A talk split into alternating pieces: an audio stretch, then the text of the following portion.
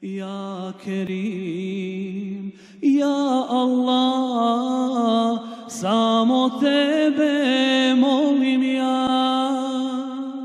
Zači moja duša žudi u džennetu tvom ima. Ja Kerim, ja Allah, samo tebe Alhamdulillah Rabbil Alamin, salatu wassalamu ala nebina Muhammed wa ala alihi wa ashabi ajma'in, thumma mabad. Mi smo u našem zadnjem predavanju govorili nešto vezano za hijjamu i zadnje što smo spominjali bilo jeste to jeste da je poslanik sallallahu sallame a, prilikom putovanja a, na Mi'rađ da su ga obavještavali meleki da naredi svome umetu hijjamu.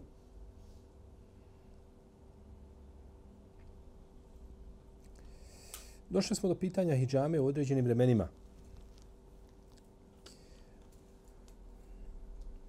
Zabilježi vam Ebu Davud i drugi od Ebu Horire da je poslanik sa osaname rekao ko učini hijjamu 17. 19. ili 21. dana, misli se na lunarne dane na lunarne dane. Sve što u šeretu što je došlo po danima, znači misli se na lunarne dane.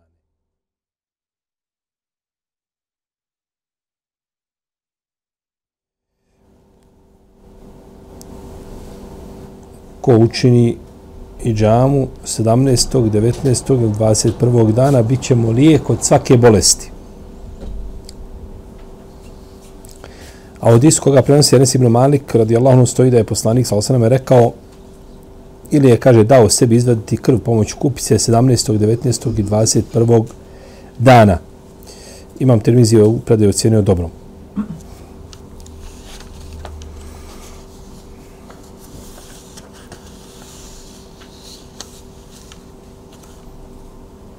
A od iskod Ibn Mađe se kaže ko bude želio činiti džamu, neka nastoji učiniti je 17. 19. ili 21. dana.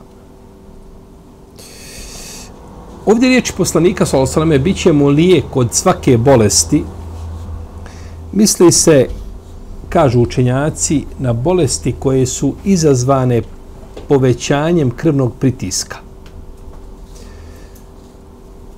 Pa bi hadis u ovoj formi bio izrečen općenito, a u stvari imao bi jedno posebno značenje.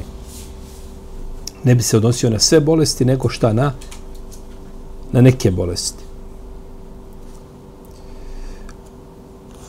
I citiranim hadisima ide u prilog činjenica da stari lekari jedinstveni u mišljenju da hijjama daje bolje rezultate početkom druge polovine lunarnog mjeseca i njegove treće četvrtine nego što daje rezultate početkom i krajem mjeseca. Čije su riječi mjerodavnije po pitanju hijjame? Riječi starih lekara ili savremene medicine?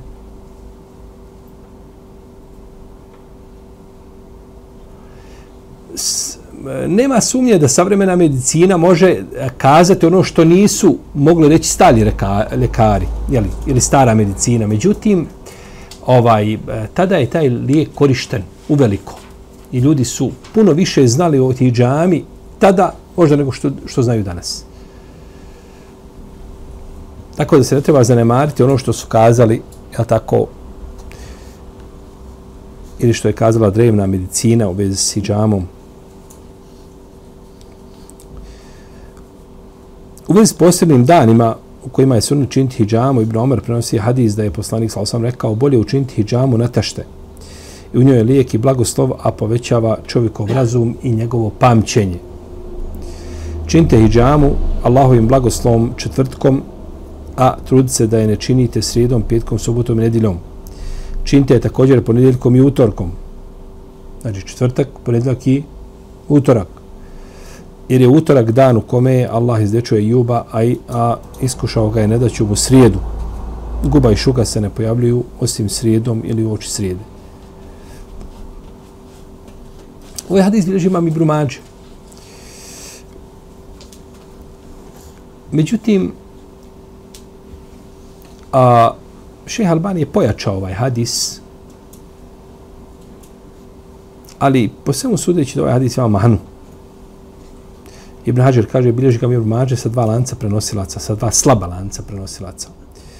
I odbacili su ga Ebu Uzura Razi, Ebu Hatim Razi, Ibn Adi, Ibn Džauzi, Ibn Muflih, Al Busiri, Sahau i drugi učenjaci odbacili su ovaj hadis. Tako da, se svemu da ovaj hadis ne može proći. Ne može, ne može čak dobiti ni, ni uh, ocjenu da bude pojačan sa različitim šta? Putevima kojim je, kojim je prenešen.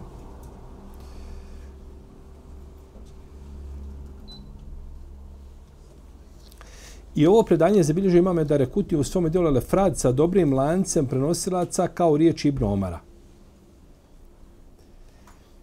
A ne kao riječ poslanika Salosaleme. Što nam dodatno ukazuje da je problematično pripisati hadis kome? Poslaniku Salosaleme. Nego sad je u Meukuf predanju. Ali da je neko od ravija kome je prigovoreno, čim je pamćenju prigovoreno, da je pripisao predanje poslaniku sallallahu alejhi ve selleme, a u stvari radi se o riječima ashaba. I to je ono što se često dešava znači u hadiskoj nauci, al tako da se ovaj pripišu riječi a, ashaba a, poslaniku sallallahu alaihi ve. U jednoj verziji koju bilježi Abu Najmu u svome dijelu Tibi Nebovi, a, Ibn Omer je pojasnio razloge zbog kojih ovaj treba činiti hidžamu određenim danima i određenim danima ne treba. Međutim, taj, taj hadis nije vjerodostojan. Nije vjerodostojan. Pored toga što se riča sahaba, znači nije, nije autentično.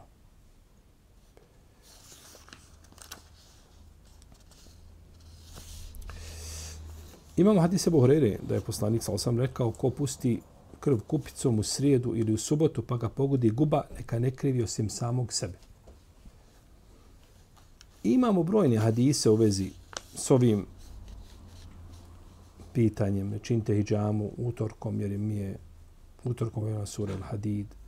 Ukoliko se podudre utorak i 17. dan, ne propustite u njemu hijjamu. I obavljena utorkom 17. je lijek za, za godinu dana. I koja se radi nedeljom ne, i tako dalje. Hadisa, tovar hadisa, mnogo hadisa ima. Sve su daif. U tom smislu znači su daif hadisi. Nisu vjerodosti.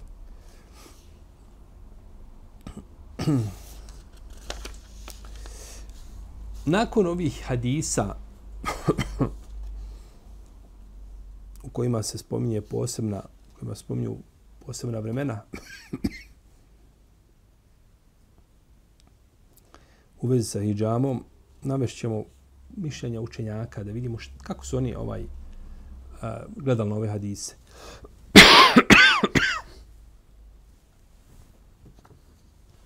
Ima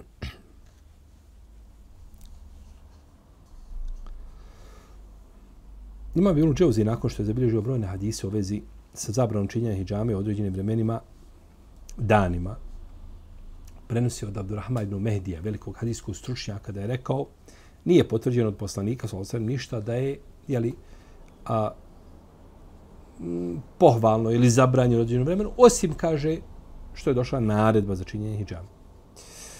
Al-Berza i kaže, Ebu Zura Razi nije smatrao ispravnim hadise u kojima se spominju ili spominje pokuđenost ili pohvala činjenja hijjame u određenom danu. Elukajli kaže, nema vjerodostojnih hadisa u vezi s posebnom, s posebnim danom u kome se čini hijjama. I kaže Ibn Džavuzi ponovo u drugom dijelu svome, nema autentičnih hadisa u vezi s posebnim danima kojima vam treba ili ne treba činiti hijjamu. Tako kaže Ibn Neuvi, da nema. Isto. Ibn Hajar kaže, nije vjerodostojan jedan od ovih hadisa. Nakon što je spomenuo skupinu hadisa, kaže, nisu vjerodostojni ti hadisi.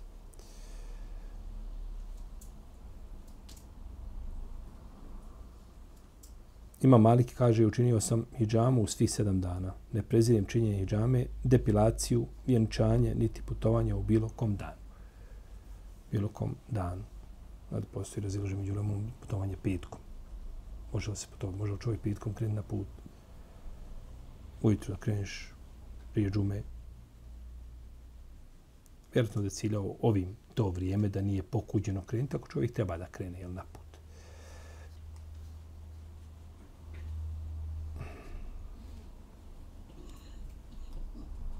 Vjenčanje.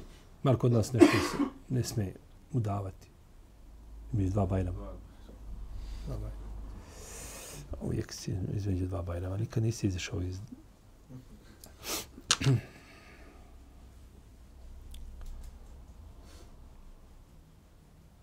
Maja, šišanje, epilacija, kraćenje noktiju, sve stojali pitanja koje ljudi jeli ovaj kada sebi neko oteža nečim vjeru, to se prihvati i oko toga se ne diskutira ništa. To je mm, završena priča. A kad dođe jedan sunnet koji je potvrđen u Buhari, e onda, jeli, onda se razglaba i rastresa i gleda se tako. Može se to kako zaobići. A kada činimo nešto čime otežno, nemamo nikakvu sa to, možemo samo kaznu imati. Ko kaže, ja neću određen dan krati nokte, može samo za to imati kaznu. Neka bude sretan da prođe sa pozitivnom nulom. Ako ima to ubjeđenje da je u tom vremenu ha, zabranjeno da ga može nešto snaći, pogoditi ako sjeće nokte, bit će nekakav bela i tako dalje,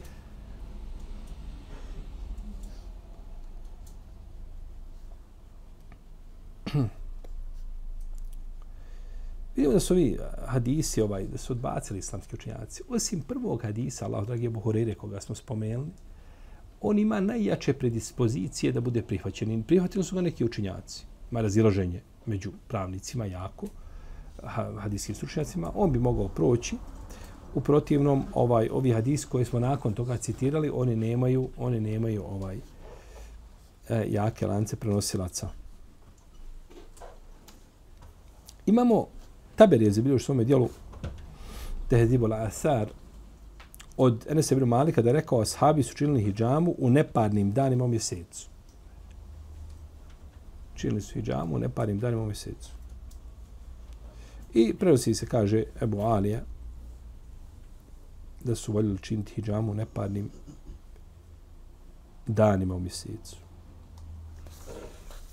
Međutim, nema ništa što tiče zabrane da je zabranjeno što da se čini u, nekom drugom vremenu. Tako, razlika je. Hidžama je dozvoljena muškarcima i ženama. Znači, nema razlike u vezi s tim. Jer poslanik, sallallahu alaihi wasallam, kaže innemen, innemen nisa šeqa i korriđal. Innemen nisa u šeqa i korriđal. Žene su ovaj, uh, one su jednako, jednako pravne sa muškarcima u propisima isti propis vrijede za muškarce i za žene.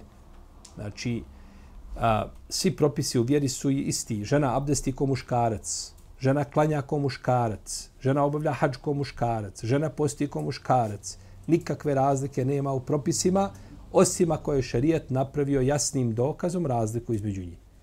Protivno to, žena treba ovako zato što je samo žensko, a muškarac treba ovako samo zato što je muškarac, to Isto. Oni su jednako, kaže poslanik, inne men nisa šeqa i ređal. Nema razlike. To je jedno. I praviti razliku u nekom ibadetu, načinu zikra, u bilo čemu, između žene i muškarce, zato što samo što je ona žena iz tog razloga, ne pozivajući se na dokaz, to je neispravno. To je neispravno.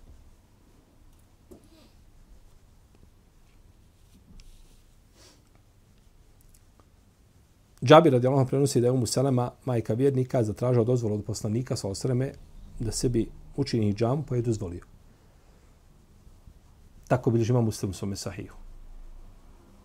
Pa je dozvolio da učini hijjam. Ženi će uraditi hijjamu žena. Ili njen mahrem. Osoba koja je trajno zabranjena za brak.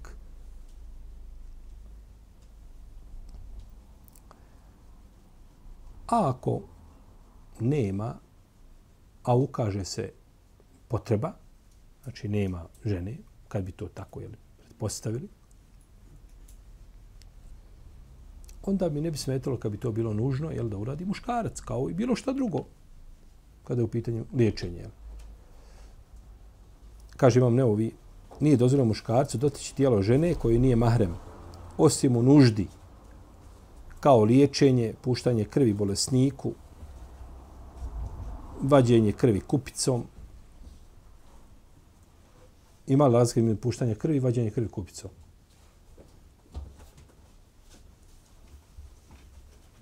Ha? Ma ima kako nema li? Vađenje krvi koji je jedno, puštanje krvi ovaj, na određenom mjestu da se presječe, da, da iziđe krv, da smanji krv, to je potpuno drugo. Pa naše različita načina liječenja koja je bila poznata. Jel? Vađenje zuba, liječenje očiju i slično. Koliko ne postoji stručna ženska osoba, dozvoljeno muškarcu u slučaju nužde da je, jel, da čini spomenut. Pa je neispravno da žene idu kod muškaraca onako odma direktno, bez toga da se pokuša doći do ženskog ljekara. Kao što ne ispravno kazati, ne smije ni u kom slučaju ići muškarcu. Što god da bude, neka trpi. Krajnosti. Ako ima žena, ide kod žene. Ako nema žena, može ići kod muškarca. I završena priča. Znači, nije ovaj a, nije otežano ni u kom slučaju jeli, u dini islamu, ni u čemu, ni u jednoj situaciji. Kaže imam Širbini, sve što smo spomenuli od zabrane gledanja u stidna mjesta žene i dodira odnosi se na situaciju kada nema potrebe za gledanjem i dodirom. Ako se pak ukaže potreba, na primjer za puštanjem krvi i džamom, a vidite kako prave razliku. Ili liječenjem tada nema smetnje u pogledu u stidno mjesto i u dodiru. U tom slučaju treba biti prisutan mahrem ili muž ili pouzdana, jeli, povjerljiva ženska osoba. Znači da nije osamljivanje. Da se minimum potpuni da su šta dvije žene. Ili njen mahrem sa njom. I slično tome. A ne treba žena osamiti sa muškarcem, je tako? A, ni sa učačem ruke, naročito. Tako. Ne, učač ruke trebao biti, ali tako, da on pozori da neće primiti ženu ako nema mahrema. A ako nema mahrema, ima njegova supruga, kćerka, ima treća, neka dođe neko, ili tako neka bude treća osoba, da nema osamnjivanja, ili tako da muškarci i žene, to nije dozvoljeno. Govorit ćemo o tome, doćemo do, do tog pitanja. Kaže imam Izuddin Abdusalam, obavezno je pokrivanje stidnih mjesta, našto pokrivanje žene pred muškarcima koji nisu mahremi. Međutim, dozvoljeno je otkriti stidno mjesto kada se radi o nuždi i potrebi kao što je gledanje liječnika u stidno mjesto za vrijeme liječenja. Isti je znači propisi pitanje hijjame kada je to je tako nužno, kada, kada, je, ne, kada je to bio lijek.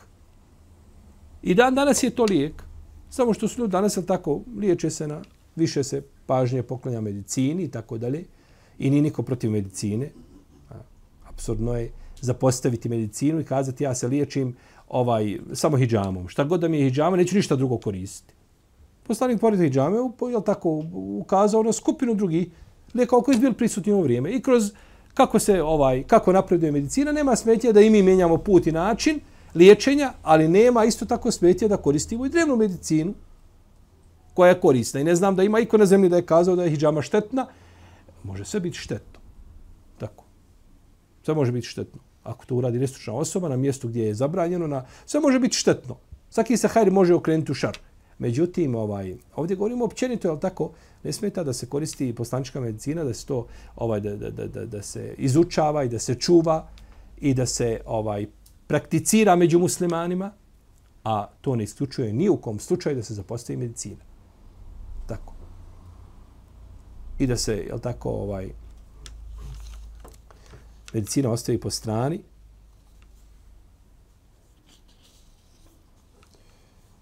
to nikako.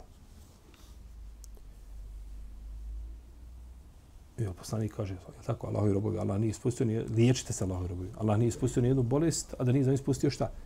Lijek. Liječite se. Nije rekao i liječite se isključivo tako i tako. Pa je tu islam otvoreno, ostavljeno. Sve što može koristiti čovjeku, dozvoljeno s time liječi, je li tako?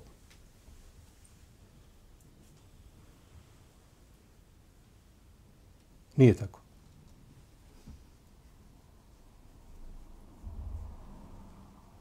Sve što čovjeku može koristiti i u čemu nema šerijatskog prekršaja, dozvoljeno je s time liječi. E tako se može kazati. Protivno čovjek može koristiti. Možda mu može za nešto koristiti određena stvar, substanca koja je zabranjena za konzumiranje, za uzimanje. Ne smijemo se liješiti time. Da nije poslanik sa rekao za opojna pića, kaže, ona su šta? Bolesna, nisu lijek. Pa čovjek ovaj liječi se sa svim što je dozvoljeno. I što mu neće štetiti, nije problematično. Pa kako napreduje medicina, tako jeli, ljudi koriste medicinu, to nije problematično. Jer danas se želi predstaviti da muslimani smatraju da samo treba liješiti hijjamom i medom. I to može ubiđenje biti kod nekoga, njegovo lično svatanje i razumijevanje. To nije kazao ni kod učenjaka, nikada.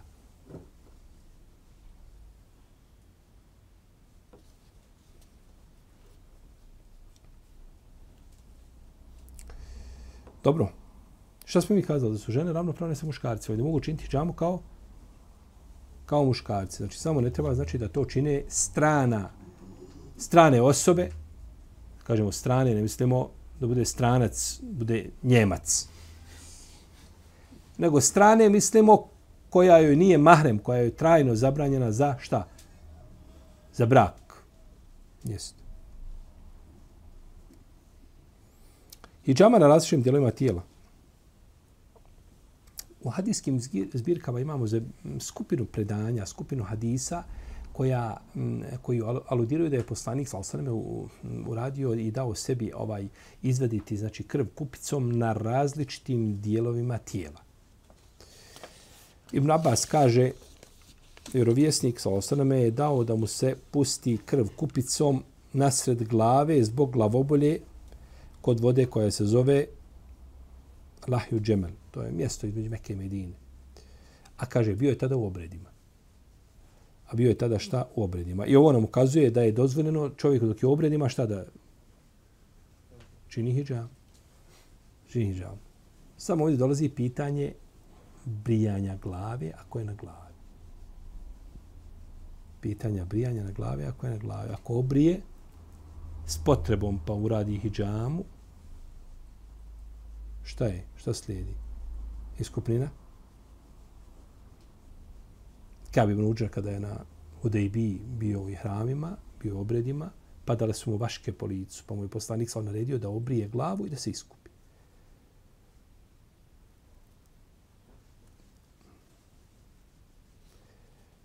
I ovdje na osnovu hadisa imam Buhari naslovio, kaže, hijjama na glavi. Ibn Hajar kaže, lekari, su lekari smatruju veoma korisnim učiniti hijjamu na sredini glave. I kaže u vjerodostojnom hadise navodi da je poslanik sa osam učinio hijjamu na tom mjestu.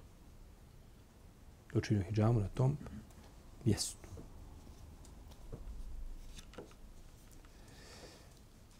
Selma Umu Rafija radijallahu anha kaže niko se nije poželio poslaniku sa na bol u glavi da mu ni rekao učini hijjamu niti se iko poželio bol u nogama da mu ni rekao namaži ih knom. Ebu Dawud ima Mahmed. A Enes Ibn Malik kaže, vjerovjesnik sa osvijem sebi dao učiniti hijjamu tri puta na vratnim venama između plečki. Kaže šehol Sami Ibn Kajim, hijjama na vratima vena pomaže kada je u pitanju glavobolja. Kao i bolovi u određenim dijelovima glave, lice, zubi, uši, oči, nos i grlo. Ako je uzrokovan, ako je uzrok bolova, krvni pritisak ili akumulirana pokvarena krv. Ili oboje zajedno. Pogledajte kako ovdje Ibn Kajim precizno. Kada će biti lijek? Pa on aludira na ono što smo na početku spomenuli da je, da je to lijek. Šta? Za svaku bolest koja je izazvana šta? Povišenim krvnim pritiskom nešto slično tome. Jel? Kaže, hijjama na podbratku pomaže kod zubobolje bolest lica i upale grla ako se radi upravo, u pravo vrijeme. Naravno, ovo ne treba, ovaj, um, ima mjesta gdje je hijama osjetljivo mjesto to za hijamu. Jako osjetljivo. I ne treba tu da se ovaj igra nestru. Hijamu na nekom mjestu općenito može uraditi, jel tako, i osoba koja nije posebno stručna. A, koja je onako amater, zna, jel neće duboke rezove praviti i tako dalje. Ovaj, možda nije toliko problematično koliko je problematično na drugim mjestima. Pa zbog toga znači nije se igrati tamo ovaj da, da se čovjek vježba ako nema prethodno iskustvo ili nije osposobljen znači na mjestima koja su osjetljiva da ovaj je l' tako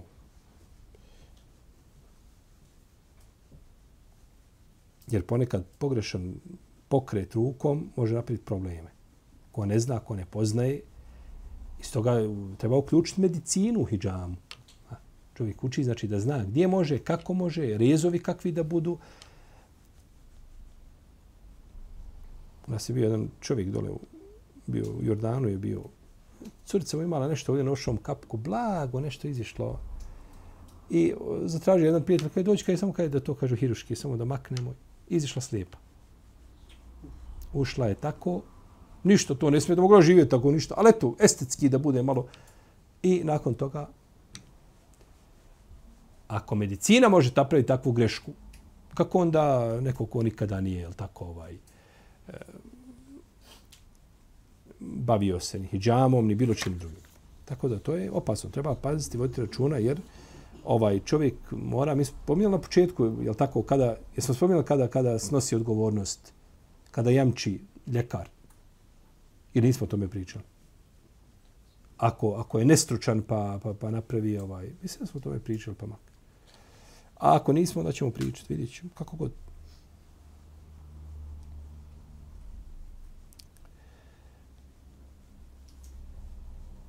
Kaže Anas ibn Malik da je poslanik sa osrame uradio sebi hijjamu na gornjem dijelu stopala zbog bola koga osjećao u njima, stopalem. A Džabir od prenosi da je poslanik sa osrame uradio sebi hijjamu zbog bola koga je osjećao u leđima ili kuku. U nekim se predajama navodi da ne, bez ovoga, bez, bez ove sumnje koja je spomenuta. Ibn Sina u svome dijelu a El Kanunu fi Tib spominje koristi hijjame na različitim dijelovima tijela. I svakako savremena medicina može tu mnogo koristiti. Znači, oni su koristili na osnovu svoga iskustva, koga su imali, pisali, govorili tako, a može nam koristiti, ali tako, i medicina u vezi s tim mnogo.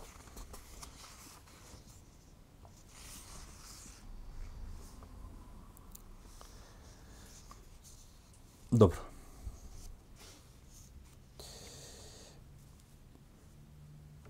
Imamo pitanje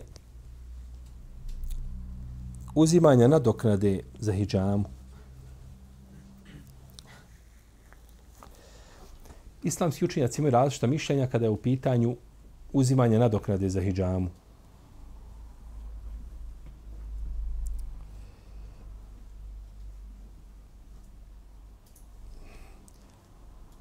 A, jer u sunetu poslanika sa imamo različite hadise u vezi s tim. A, Na primjer, Ebu Džuhajfa radijallahu anhu prenosi da je Allahov poslanik sa osrme zabranio zaradu kupičara na os i, i novac od e, psa koga prodaju ljudi, jel tako? Novac koji zaradi robinja na osnovu prostitucije.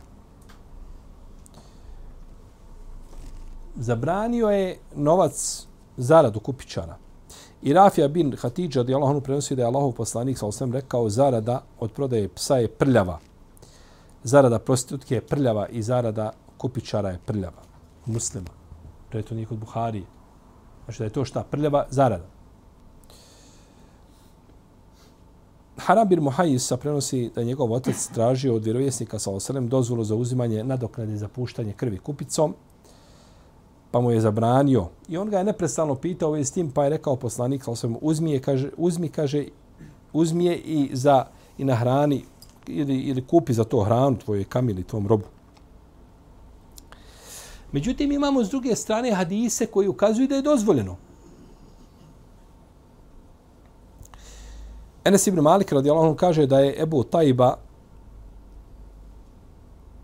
a, pomoć kupio, pustio, pomoć kupice pustio krv Allahom poslaniku, sallallahu pa je on zapovjedio da mu daju jedan sa, znači četiri pregršti a, hurmi i zapovjedio njegovom vlasniku da umanji da umanji svoj udio u njegovom imetku.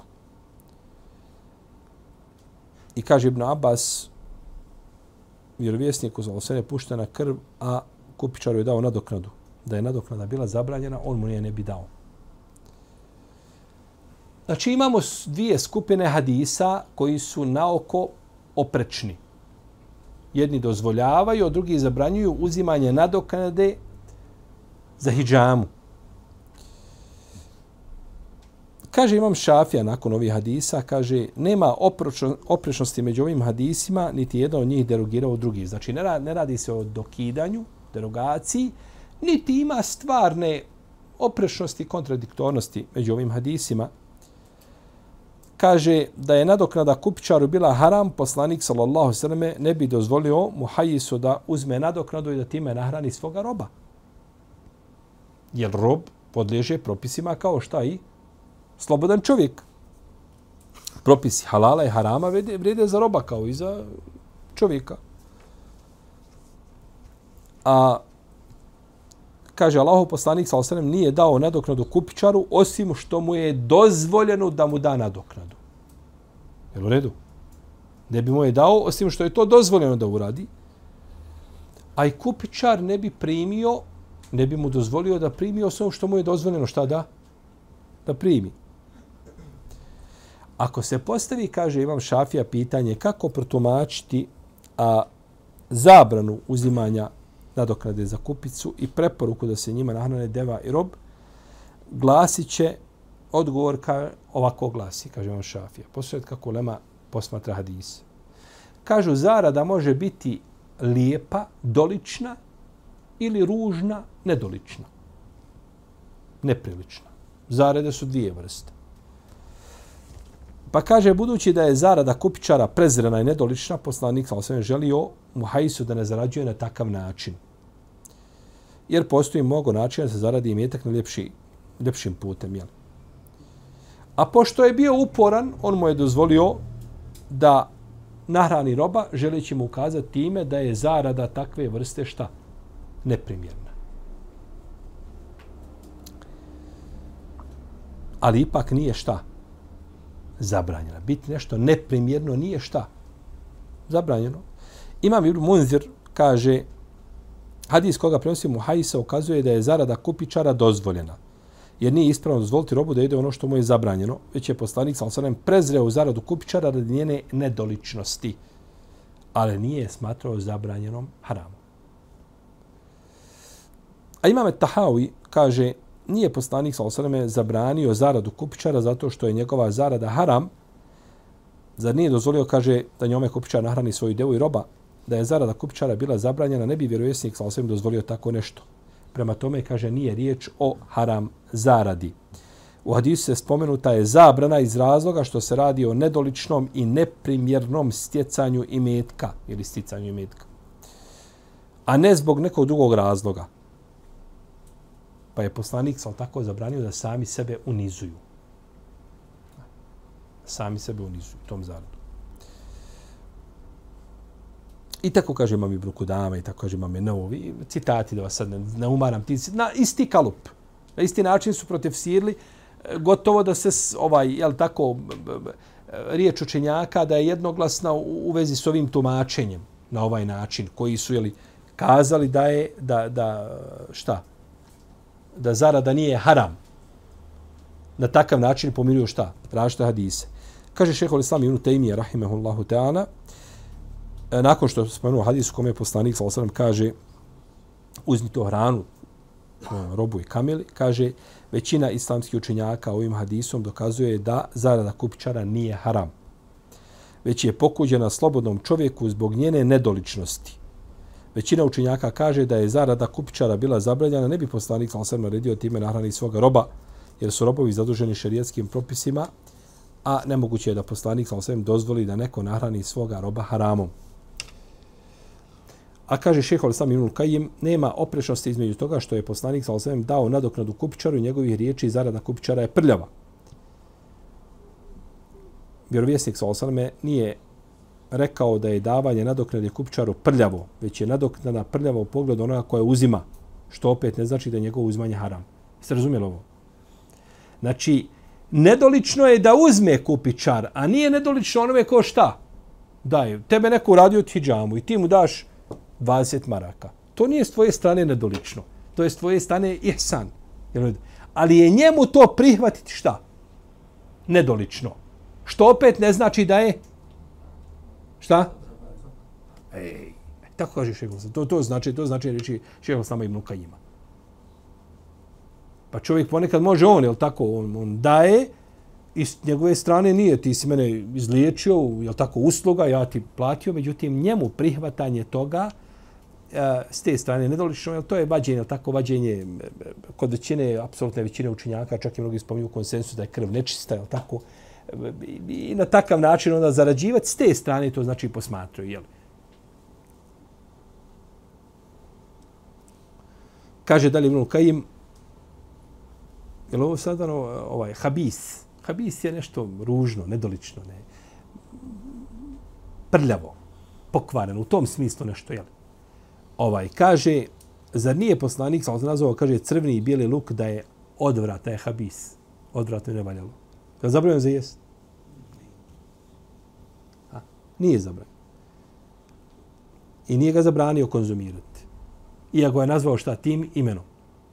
Tako da je jako bitno, znači, razumijevati, jel tako, ovaj, ti odeš kod hađama, ti odeš to radi džama i kažeš, ej vidi ovaj, imam par hadisa da citiram samo prije nego što dođe naplata na red. Evo ako od, pa ti spomeneš sad njemu tako hadise koji su kaže Ibnu Kajim na drugom mjestu dozvoljeno je zarađivati čineći džamu drugima, iako to nije lijepa zarada za slobodnog čovjeka, međutim nije zabranjeno. Allahu ekber. Ovaj, pravde jedini islama i kako se islamski učinjaci shvatili a, ja tako, hadise koji su šta? Različite hadise u vezi s jednom tematikom. Nema smetje kad dođeš k čovjeku, on ti kaže moja hijjama je što radim 20 maraka, 10 maraka, 30 maraka, jeli, po dogovoru i da uzme to. Njemu bi bilo bolje i preče da sebi nađe način da zaradi imetak, ha, nešto što je doličnije i tako. Međutim, ako čovjek to uradi, nije, nije. Možda bi moglo doći do stepena mekruha, je tako? U tom kontekstu nešto nedolično, ovaj, neprimjerno i tako dalje, do stepena, ali do stepena harama ne je sigurno. Tako da, znači, tvoje ipak šta da? Platiš. Ovdje naravno, jel, ko se posveti tome i radi samo to, naravno, da jel, mora naplatiti. Zamislite čovjek kad primi danas 30 pacijenata i ovaj, Pitanje je koliko bi ljudi išli kod njega ko ne bi naplaćivao. Ima i toga. E, to je sigurno kakav ovaj šarlatan nešto, šalbajzer nekakav on. Ovaj, ne radi on to kako treba, sigurno da, da radi kako treba. Naplaćivao bi koji ostali svijet. Sve se naplaćuje, je tako?